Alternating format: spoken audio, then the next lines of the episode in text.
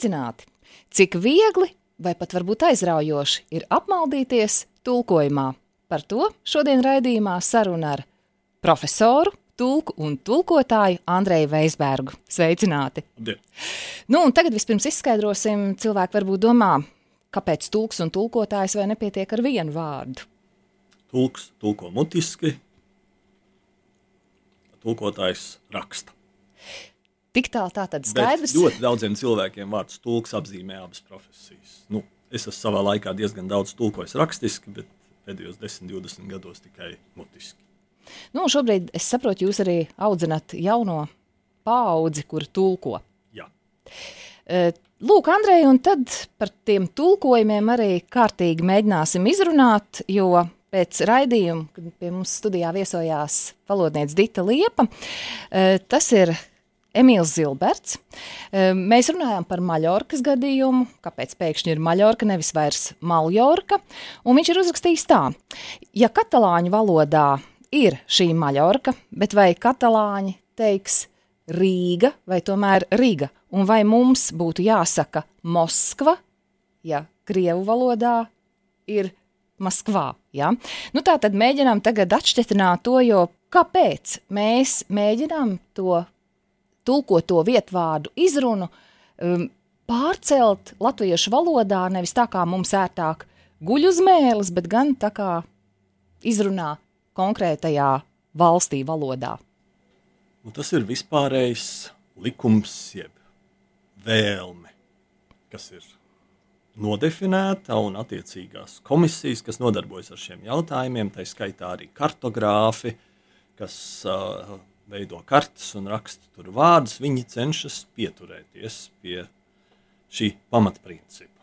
Uh, nu, šeit ir vairākas atkāpes. Pirmā atkāpe ir tā sauktie eksonīmi. Eksonīmi ir tie vārdi, kas tradicionāli latviešu valodā ir atveidoti specifiskā formā, kas stipri atšķirās no oriģināla. Praktiski visas Eiropas galvaspilsētas, ļoti daudz kas latviešu valodā ir ienācis no vācu valodas, kaut kas no krievu valodas. Tur ir notikušas dažādas izmaiņas. Nu, piemēram, mēs sakām Florence, ja, kas ir aizgūms no vācu valodas. Florencē nav nekādas līdzības ar oriģinālu itāļu valodā, kas ir Firenze. Uh, nu, šos vārdus visumā mēs cenšamies neaiztikt.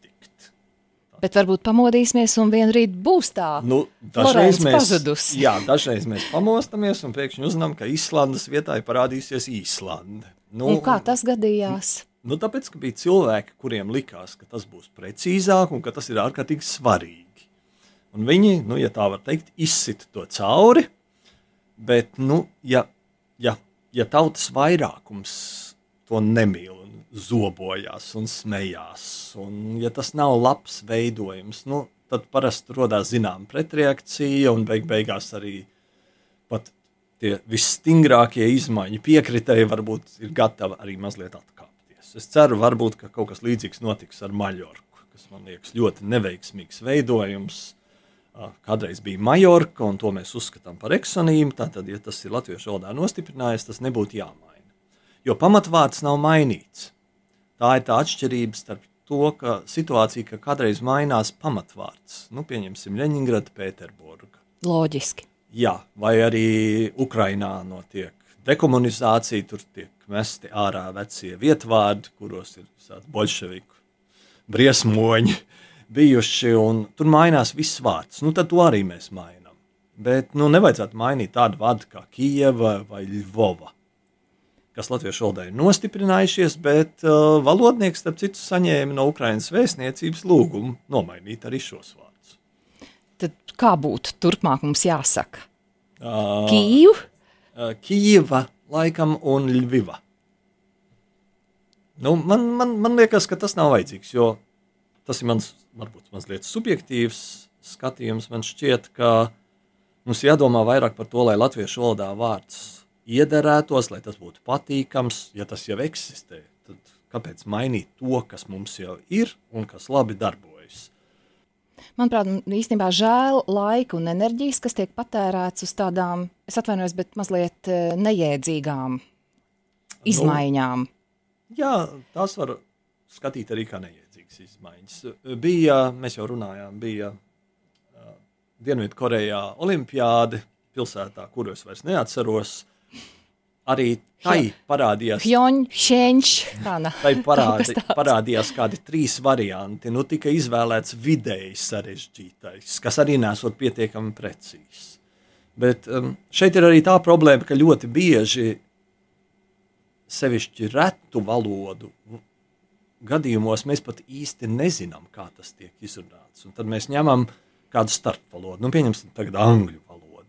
Iespējams, ka angļu valodā tas arī netiek izrunāts precīzi kā oriģināli. Tad pēc desmit gadiem pēkšņi Latvijā uzrādās kāds tās valodas speciālists. Viņš saka, nē, nē, nē, nē jūs esat aizgūši nepareizi, atkal mainām. Nu, es domāju, ka ir arī valodā daudz vairāk problēmu, ar ko nodarboties, nevis uh, šitos mazos sīkumus. Uh, sarežģīt un pēc tam sūtīt apkārt rakstus, un tad visiem redaktoriem, korektoriem ir jāskatās nepārtraukti.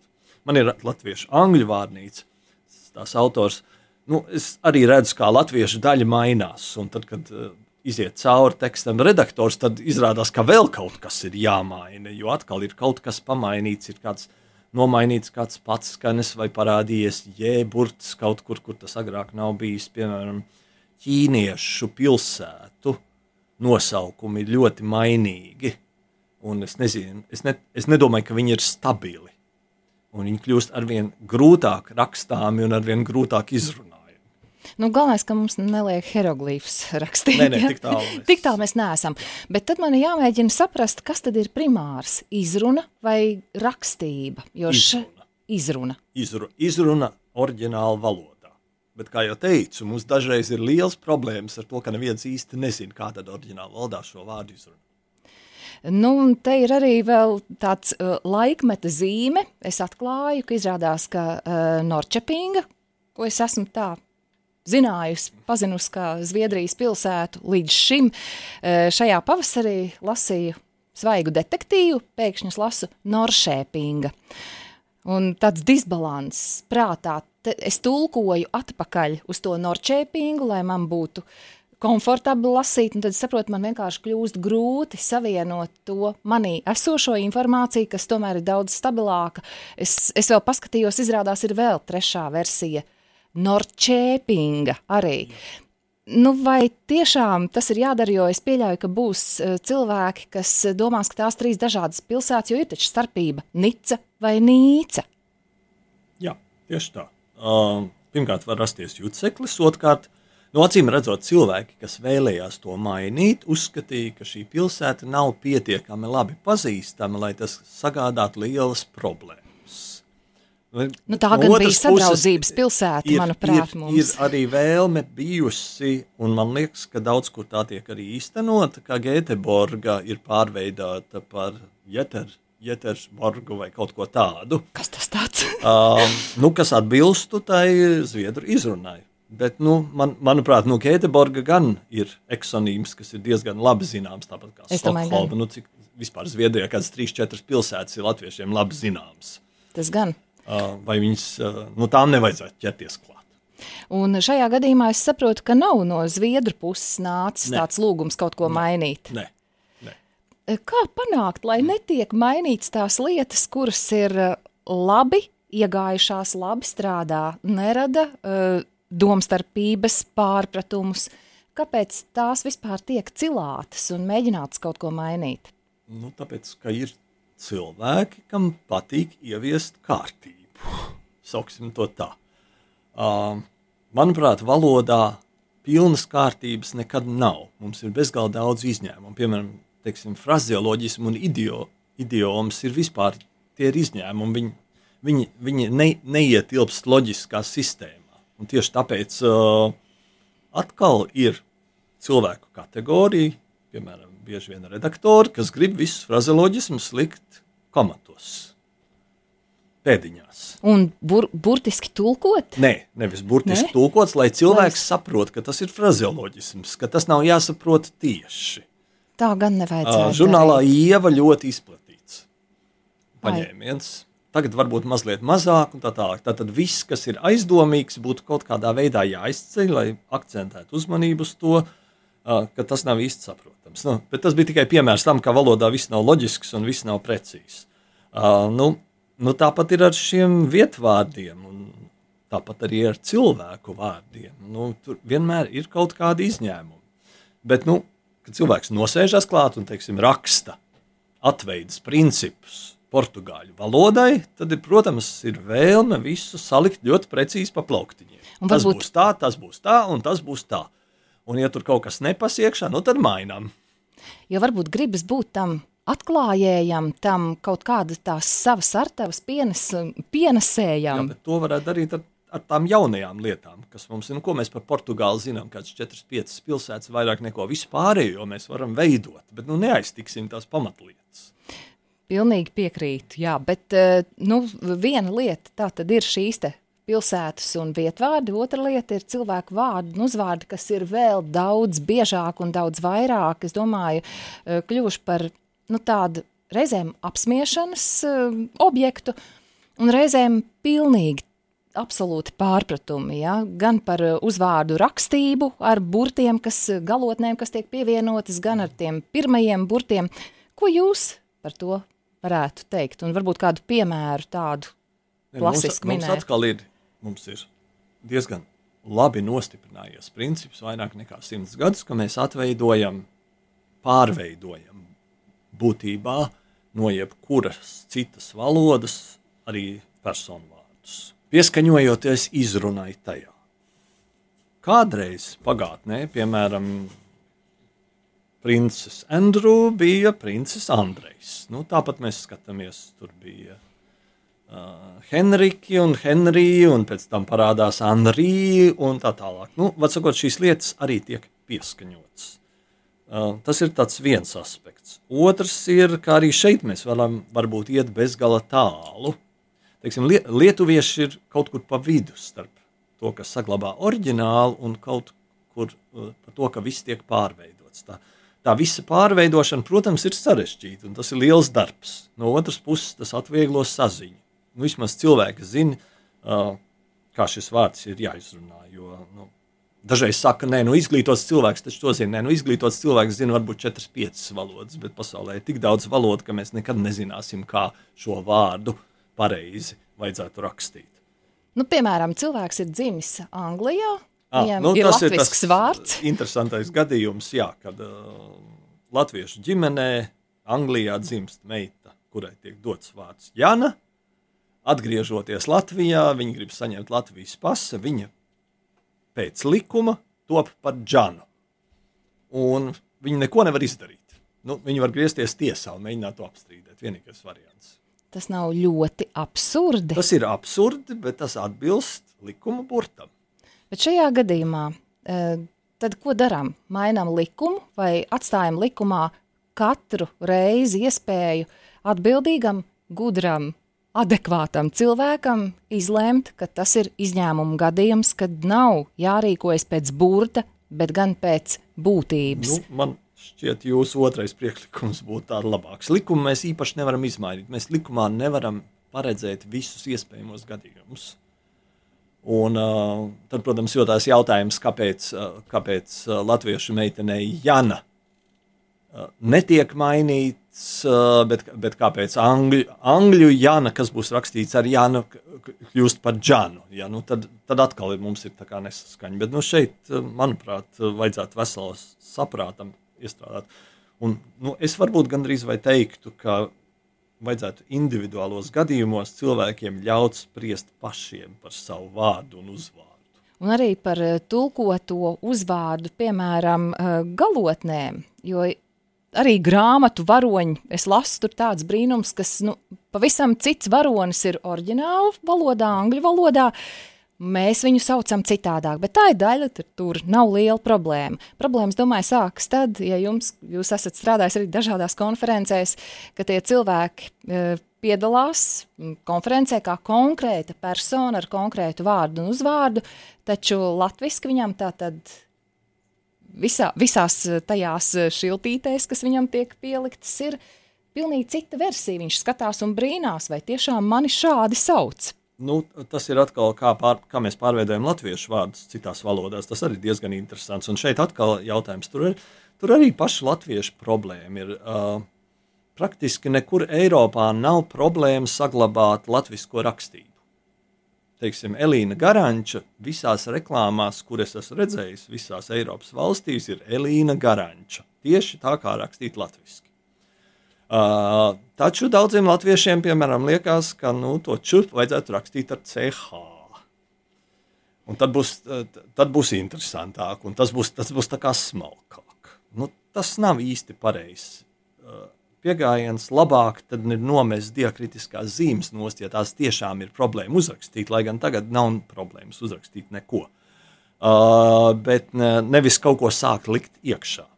Jo pretējā gadījumā tad ir jāmaina arī mūsu teiksim, vietvārdi. Uh, nu, pieņemsim, kā mēs rakstīsim cēsis angļu valodā. Ja angļi mēģinās tagad atveidot latviešu rakstību, tad cēsis pārvērtīsies par kaut kādu ļoti ķīni, ķīnisku. Jā, kā pār, nu, mēģiniet tad pateikt, kā, kāda versija varētu būt. Ne, angļi saglabās cēsis tā, kā mēs rakstam cēsis. Jā, bet viņi izrunās. Uh, viņi izrunās varbūt nepareizi pirmajā gadījumā, bet ja viņi zinās, kas ir ceļš, tad viņi zinās arī, kā to izrunāt. Galvenais, lai var atrast kartē pēc tā, nu, galvenais, kā ir uzrakstīts. Kartē, tad lūk, šeit tomēr nestrādā tas, ko jūs teicāt, ka izruna ir primāra. Ah, viņiem nestrādā tas. Šeit parādās tāds disbalans. Jeb, mēs darām vienu, bet gribam, lai otri dara citu. Faktiski lūk. saistībā ar mums. Nu, kā jau teicu, lietuviešiem ir tāds tāds vidusvariants. Viņiem ir gan pārveidošanas variants, tā kā mums, sevišķi par tradicionālām lietām, bet šo to, teiksim, personu vārdus viņi raksta ar lietuviskajām galotnēm, bet saglabājot oriģinālu rakstību ļoti bieži. Nu, pieņemsim, tur Džordžs Bušs. Džordžs Bušs sevi nepazīst latviešu, ja viņš ieraudzītu anketu ar Džordžs Bušs. Jā, uh, jo viņš uh, tādas burbuļu kombinācijas viņam būtu ļoti pārsteidzošas. Nu, tad uh, lietuviski tad būs Georgas Bušas. Nu, tā kā angliski, bet ar galotnītēm klāt. Ja? Nu, tas ir variants, kas ir iespējams, bet es, es neteiktu, ka mums tas būtu obligāti jāievēro. Savā. Vēl bija variants Vācijas okupācijas laikā, ka mēs liekam apostrofu un kabinam klāt latviešu galotni, teiksim, Adolf, As. apostrofs A, Jā. Hitler, apostrofs A, iela. Jā, ah. uh, nu, tas arī tā kā noraidīts ir. Tas nebūtu arī īsti nu, vizuāli glīti, bet, nu, ja kādam ļoti, ļoti vajadzēja vismaz kā priekšlikumu to piedāvāt, kāpēc ne? Bet Savukārt šajā... bez galotnēm uh, svešvārdi latviešu tekstā izskatās ļoti jocīgi. Pirmkārt, mēs nezinām, Tur es piekrītu. Vīrietis, sievietes, kā ko izrunāt, ļu, nu, ļoti, ļoti sarežģīta situācija. Paliek tā, ka tas galotnes nu, būtu jāsaglabā. Jā, bet ko darīt? Eh, sākām par lietuviešiem. Ja lietuvietis Vitautas Jā. šeit Latvijā, viņa vārdu iztulko un raksta, viņš ir Vitauts. Jā, nu, viņš tiek latvis, latviskots. Nu, bet tas, manuprāt, ir ļoti... Mm, es Vitautas vietā um, nu, neturētu labu prātu uz eh, šo versiju. Tā Vienī... ir tomēr vārda kropļošana, un Vitauts ir pilnīgi cits vārds salīdzinot Jā, ar vitautas. Šis pats princips tiek attiecināts uz visām citām tautām. Vai mēs varam izdarīt izņēmumu lietuviešiem? Nu, Nevaram, nu, varbūt ar, varbūt. varbūt ar, ar atsaucu uz to, ka tā ir brāļu tauta, baltu valoda. Nu, vienīgā cerība, jā. jā. Nu, un e, vēl jūs minējāt e, tādu interesantu stāstu par Enzelīnu un e, to, kā viņš negribēja, lai kādam cilvēkam ir divi kā uzvārdā. Jā, nu mums ir, mums ir noteikums, ka mēs dubultojam LMN, bet pārējos līdzskaņas mēs nedubultojam zilbas iekš, iek, iekšienē. Nu, tā tad Otto, slavenais Otto, nu, no, no valodnieku viedokļa Otto būtu jāraksta ar vienu T. Bet es ļoti labi saprotu, ka dažiem cilvēkiem var likties, ka dubultē ir ārkārtīgi svarīgs, tas būtu jāsaglabā, un es, es personiski respektētu viņu vēlmi. Uh, jā, Enzelīnam bija, Enzelīns strādāja dažus gadus Latvijas universitātē kopā ar profesoru Spekki, kas pēc tam aizbrauca lielā mērā tāpēc, ka nespēja satikt ar Enzelīnu uz Itāliju un bija tur vēstnieks. Un rakstīja interesantas grāmatas. Nu, jā, Enzelīnam nepatika speke dubultkā. Viņš gribēja vai nu viņš ir speķis, vai nu vismaz speki ar vienu kālu. Un speka bija visumā gatavs pieņemt šos ierosinājumus, tikai viņš vēlējās, lai nu, iekavā rakstos tiktu saglabāts viņas dzimtas vārds speka. Nu, tā viņš strīdējās vairākus gadus, un, kā jau teicu, beidzās ar to, ka speka aizbrauca. Enzlīns bija ļoti spēcīgs šādos strīdos. Nu, viņš vispār ir spēcīgs. Enzelīna nospiedums, es domāju, Jā. mums visiem joprojām ir godā turams un e, viņa vēlmes, e, viņa veidot, veidotie darbi. Bet vai šis nevarētu būt, būt viens no tādiem brīnišķīgiem risinājumiem? Tā tad labi, lai ir vitauts, bet iekavās vitautas, un tad ir panākts tomēr tāds zināms kompromiss. Vai nu. šāds nu, variants varētu eksistēt? Nu, tas jau zināmā mērā pasēs, manuprāt, tika realizēts vismaz, es nezinu, vai tagad, bet vismaz kādu laiku varēja ierakstīt savu vēlamo vārdu pasē. Nu, mēs dažreiz to redzam, kad parādās kādas jaunas personības, teiksim, politiskā dzīvē, kad īstenībā nav skaidrs, kā šis vārds ir atvei, atveidojams. Ja, tad iekavās arī laikrakstos, piemēram, parādās oriģināla rakstība, kamēr nostabilizējās latviskā rakstība, un visiem ir skaidrs, kas tas par cilvēku.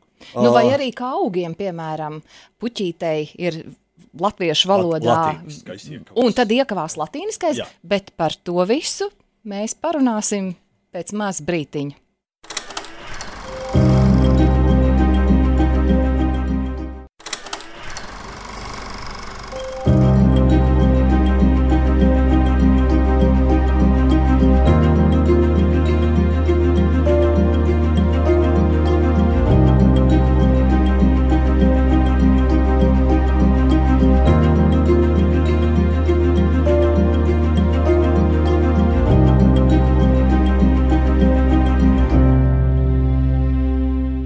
Turpinām raidījumu izšķirtspēju studijā profesors, tulks un tulkotājs Andrejs Veisbergs. Nu, mēs jau sākām par latīņu valodu, kā tā dod vairāk skaidrības latviešu valodai vai drīzāk jauc mums galvas, kā tad īsti ir? Ne, nu, konkrētos gadījumos latviešu, latīņu valoda, protams, ir ļoti vēlama. Teiksim, runājot par augiem, par medicīniskām problēmām, par dzīvniekiem, kur ir visai liels juceklis. Skolās droši vien joprojām mācās, ka ir ļoti smalki sadalīti teiksim, tās kategorijas, uh, taksonomijas, bet uh, reālajā dzīvē tur ir ļoti liels problēmas. Ja? Saka, vai, tā, vai tā ir dzimta, vai tā ir suga, vai tas ir, vai tas ir dzīvnieks, vai tas ir augs, uh, gandrīz vai tādā līmenī. Un tad latīņu valoda, protams, ļoti labi palīdz. Ja? Nu, latīņas, val, latīņu valodas otrā interesantā iezīme ir tā, ka uh, latviešu valodai latīņu valoda ir ļoti pieņemama. Lielā mērā tāpēc, ka mums ir diezgan līdzīga skaņa valodai, un um, agrīnie valodnieki, tā skaitā Enzelīns, latīņu valodu, protams, ļoti labi zināja, un latīņu valodai bija pavērtas durvis. Enzelīns, piemēram, ir teicis, ka lab, labāk sanatorija nekā dziednīca. Viņš saka, dziednīca pret, pretīgs vārds. Uh, nu, kas ir diezgan interesanti, ka aizgums ir labāk par dzimtās valodas kaut kādu veidu. Lūk, Enzelīns. Jā. Uh, nu, un trešā lieta ir, ka latīņu valoda plūst iekšā caur angļu valodu. Tagad, jo faktiski gandrīz viss, ko mēs aizgūstam no angļu valodas, kas mums liekas aizgūts no angļu valodas, faktiski tie ir latīnismi. Jo angļu valodā 70% ir latīņu izcelsmes vārdu. Un mēs neaizgūstam viņu vienkāršos ikdienas vārdiņus, bet mēs aizgūstam tā sauktos internacionālismus, kas būtībā ir latīnis. Savukārt tas lielais paradoks, mēs atkal kaut ko paņemam no angļu valodas, nedomājot, ka tas ir aizgūts no latīņu valodas, kas drīzāk skan kā latviešu valoda, un pēkšņi ir tās mulsinošās reizes, kad ir saīsinājumi vai dažādu, eh, tas varētu būt zāļu preparāti, jā, izruna, eh, dažādu firmu nosaukumi, un pēkšņi ir tik jocīgi, mēs, eh, mēs zinām arī par to, kā mēs sakam CV, nevis jā. CV, kas tā kā es saprotu būtu loģiskāk. Tas būtu loģiskāks, un manuprāt arī skanētu labāk. Nu lūk, tā tad tas ir, un kā mēs latviski to varētu nosaukt? Dzīves gājums. Dzīves gājums. Saīsinājums grūti. Nu. Dzg. Nu, neskan labi. Nu, tad paliekam pie CV, jā. ka tas CV. ir korekti. CV un ļoti, jā. Nav tur jāmokās, jā. jāķēmojas šajā ziņā. Bet nu, runājot arī par eh, tiem dažādiem nu, vārdiem, kas ienāk, un kā strādā. Jūs esat arī darbojies dažādās komisijās, kur ir lemts, vētīts, uh, mēģināts kaut ko mainīt, ieviest. Uh, kā šis darbs notiek? Mm, darbs notiek dažādās vietās, un dažādās intensitātēs, un ļoti dažādi. Ir terminoloģijas komisija, kurai ir apakškomisijas, tātad pa jomām, pa dzīves jomām. Daži strādā ļoti intensīvi, piemēram, datorlingvistika vai viss, kas saistās ar datoriem. Tur ir bezgalīgi daudz jaunu terminu. Daži tiek, daži tiek apsmieti, citi tiek pieņemti, citi ir iegājušies. Jaunai paudzei ļoti daudz kas būs ļoti viegli pieejams. Uh, ir citas apakškomisijas, kas praktiski nestrādā. Uh, tad tādi ikdienas vārdi, tie dažreiz nonāk ekspertu komisijas ziņā. Nu, teiksim, tie, tie nav īsti termini, bet vārdi, kas pie mums ieplūst un īsti nav skaidrs, kā mēs to rakstām, kā mēs to izrunājam. Dažādi masāžu veidi, vai tējas, vai kaut kādi jaunie produkti. Lielveikali jau tur kaut ko rada, un pakāpeniski tā lieta nostiprinājās. Uh, nu, tur dažreiz ir situācija, ka lūk, ir vārds un ir četri iespējamie latviešu varianti. Komisijā ir 16 cilvēki un sadalās 4, 4, 4, 4. Un pie tam katrs ir pilnīgi pārliecināts, ka viņa variants ir vienīgais derīgais. Nu, šādā gadījumā jautājums tiek atlikts. Cik ilgi to var atlikt? Un, vai varbūt pagaidīt, kā dzīve pati tik ilgi, to kamēr dzīve pati to noliek vietā? Noliek vietā. Tad jājautā, vai vajag vispār šādas e, komisijas, vai vajag tērēt tam līdzekļus. Līdzekļi tur nekādi netiek tērēti, par to neviens neko nemaksā. Komisija sanāk reizi mēnesī. Laiks ir vērtīgāks reizēm par naudu. Par naudu jā, bet, nu, ja jūs sakat, ka mūsu sarunas ir interesantas, tad komisijas sarunas ir vēl interesantākas, tur Tur viss ir kvalificēti valodnieki, un tik un tā mums ir ļoti atšķirīgi viedokļi par daudzām lietām. Tic, jā, un par tiem terminiem es arī eh, ļoti domāju par terminoloģiju, eh, dažādām nozarēm. Tas valodnieks varētu arī nebūt speciālists, viņš nevar varbūt to terminu eh, pārlikt latviski pēc būtības. Viņš var būt tikai burtiski iztulkot, saprast jēgu un latviskot tā, ka beigās tas speciālists, kuram ir jālasa šī instrukcija, viņš vienkārši pazudīs tajā latviešu tulkojumā. Nu, tur ir diezgan daudz problēmas, jo terminoloģijas apjoms ir milzīgs. Latviešu valodā tas ir ļoti ierobežots, bet teiksim, angļu valodā ir 40 miljoni terminu. 40 miljonu terminu neviens cilvēks nevar ne aptvert normāls cilvēks var aptvert varbūt 400 tūkstošu vārdus, tā pasīvi saprast. Tas, ir, tas jau ir ģēnijs. Tātad 40 miljonu vārdus vispār izdomāt jau ir sarežģīti. Uh, nu, tur ir jāskatās, vai šis vārds būs plašā lietošanā. Ja vārds ir plašā lietošanā, tad parādās visi šie principi, veidojam kaut ko patīkamu, īsu, labi izrunājamu. Punkts. Ja vārds ir visai rets, lai viņš ir sarežģīts, komplicēts, lai sastāv no četriem, vai tas ir saliktenis ar četriem elementiem, uh, to lietos pieci, desmit cilvēki. Varbūt lai nelietos, lai paliek. Un tad ir vēl miljoniem terminu, kur, kurus nav vērts veidot latviešu valodā, jo mums tas nav aktuāli. Mums nav aktuāli Patagonijas stārpi, nu, vai tie, tie visi nav jā, jāpārveido latviešu valodā. Bet ļoti daudz terminus rada tulkotāji, piemēram, Eiropas Savienībā. Tur ļoti bieži ir kaut kāda jaunā regula tieši par tārpiem. Un tur ir tūkstots tārpu uzskaitījums, un cilvēks strādā pie tā.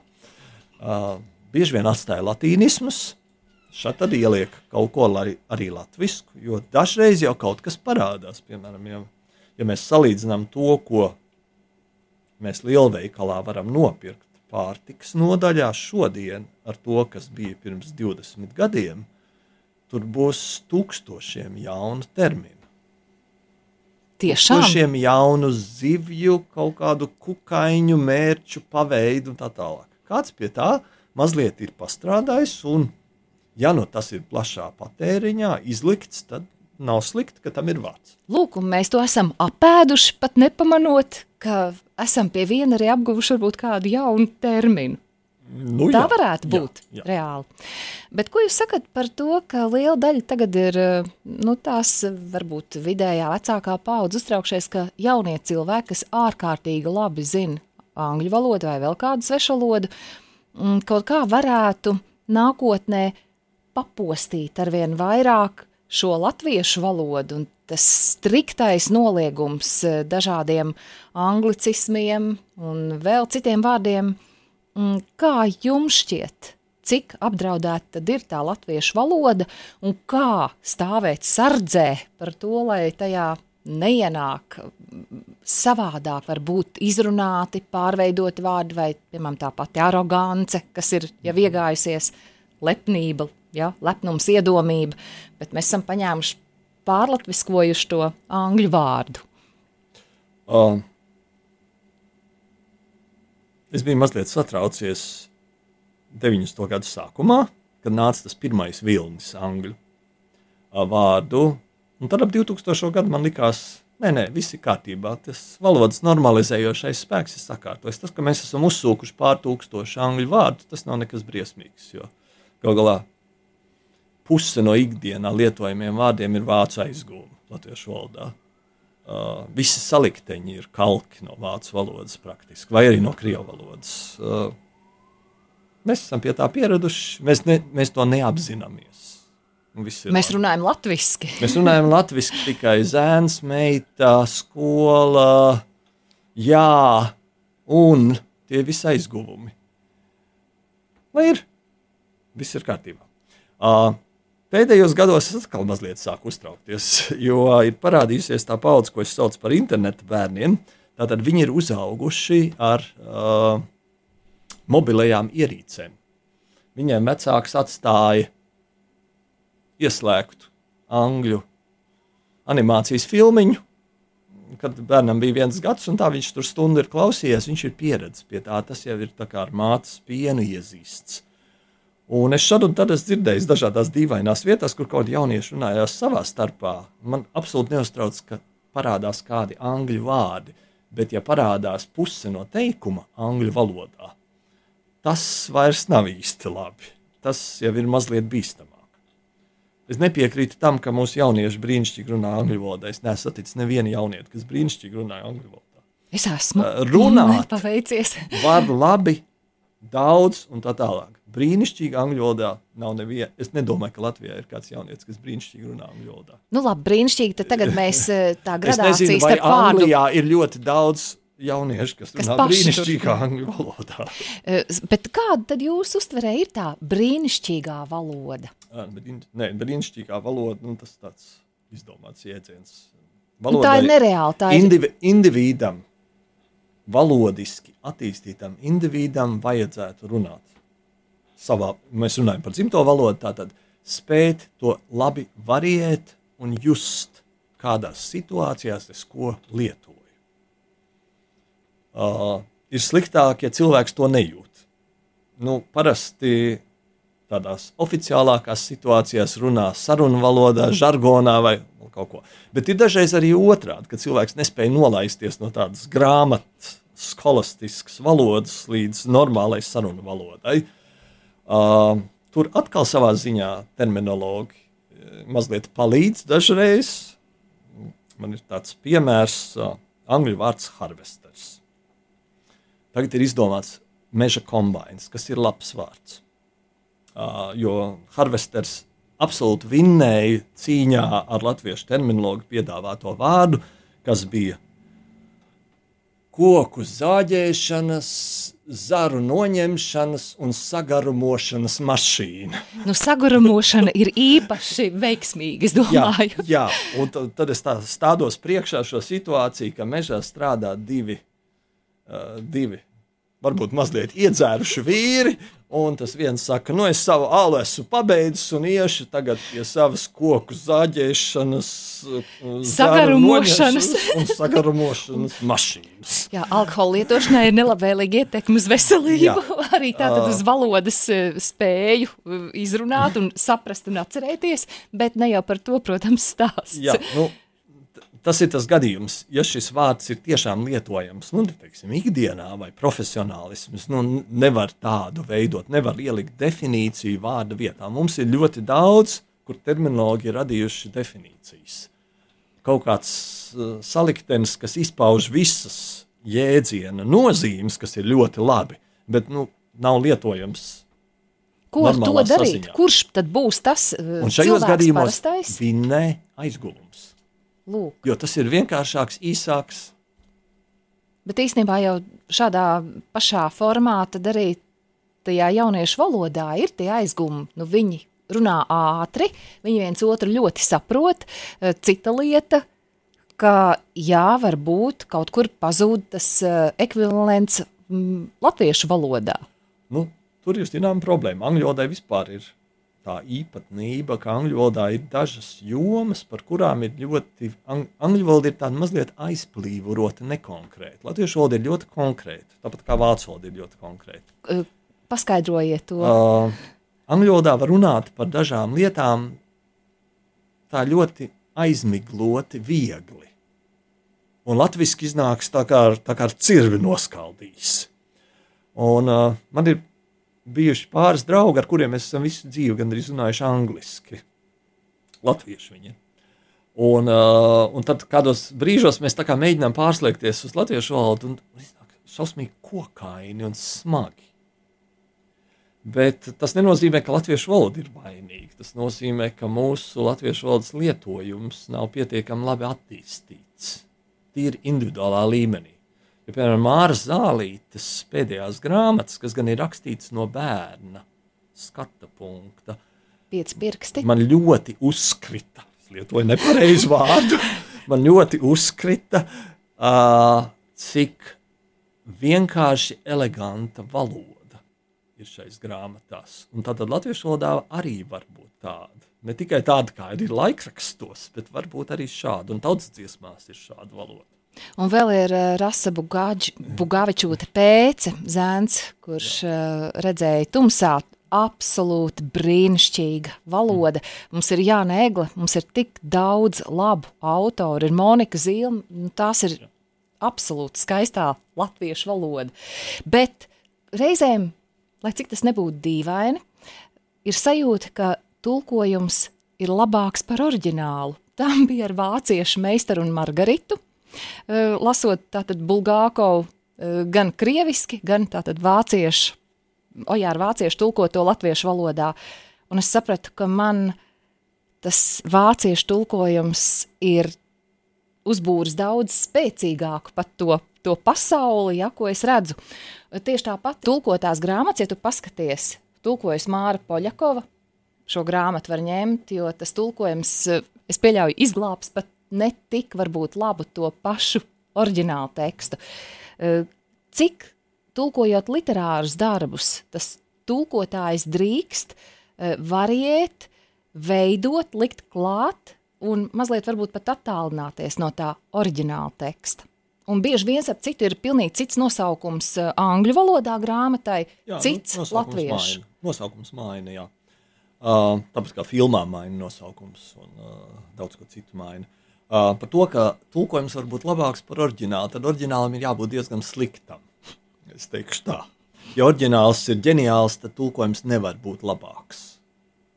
Uh, tas var būt tikpat labs, bet nevar būt labāks. Uh, ja oriģināls ir pašvaks, tad tulkojums var būt labāks.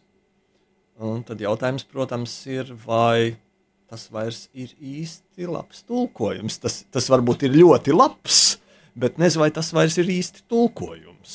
Ja, jo, nu, tā tā, tā pamatīdeja ir, ka tulkojums ir tomēr zināmā veidā tā kā kopija. Copy paste. Uh, Nokopēts un ielīmēts. Bet uh, nu, tagad tulkošanas teorija ir ļoti attīstījusies salīdzinot ar seniem laikiem, kad tur skatījās, lai katrs vārds gandrīz vai atbilst. Nu, tas nāca no Bībeles, jo Dieva vārdi ir neskarami. Tā teikt. Tad jābūt ļoti precīzi. Nu, tagad uh, lielā mērā mēs liekam uzsvaru uz to, ka jautājums ir, kam tiek tulkots. Un tulkotājs var adaptēt tekstu auditorijai. Lūk, Uh, nu, piemēram, ļoti sarežģītu zāļu instrukciju varbūt nevajag tulkot ļoti sarežģītā valodā, ja tās zāles ir domātas uh, normālam patēriņam, nevis ārstam.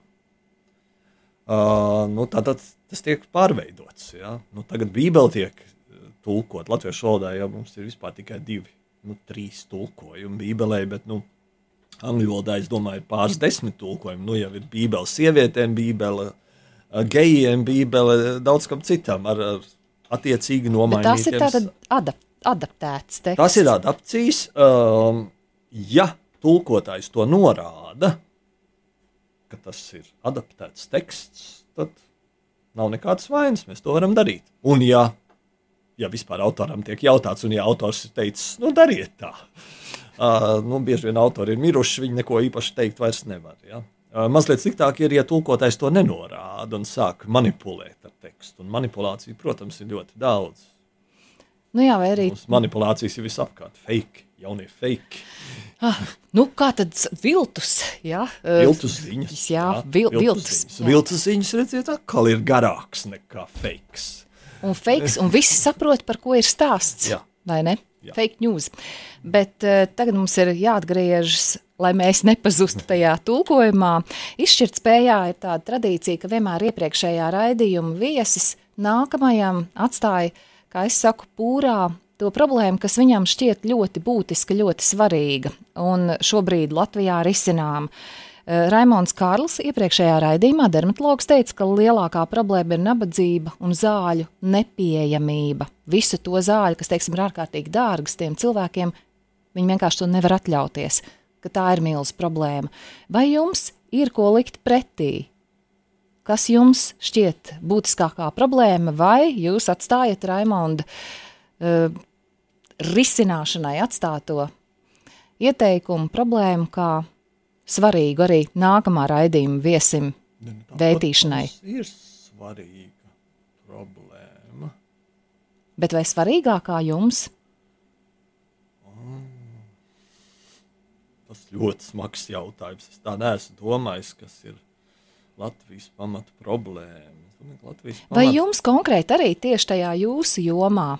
Es Jums- nebūšu laikam ļoti populārs, bet es neteikšu, ka valodniecības problēmas ir tās svarīgākās Latvijai. Valodu lietojuma jautājums ir daudz svarīgāks.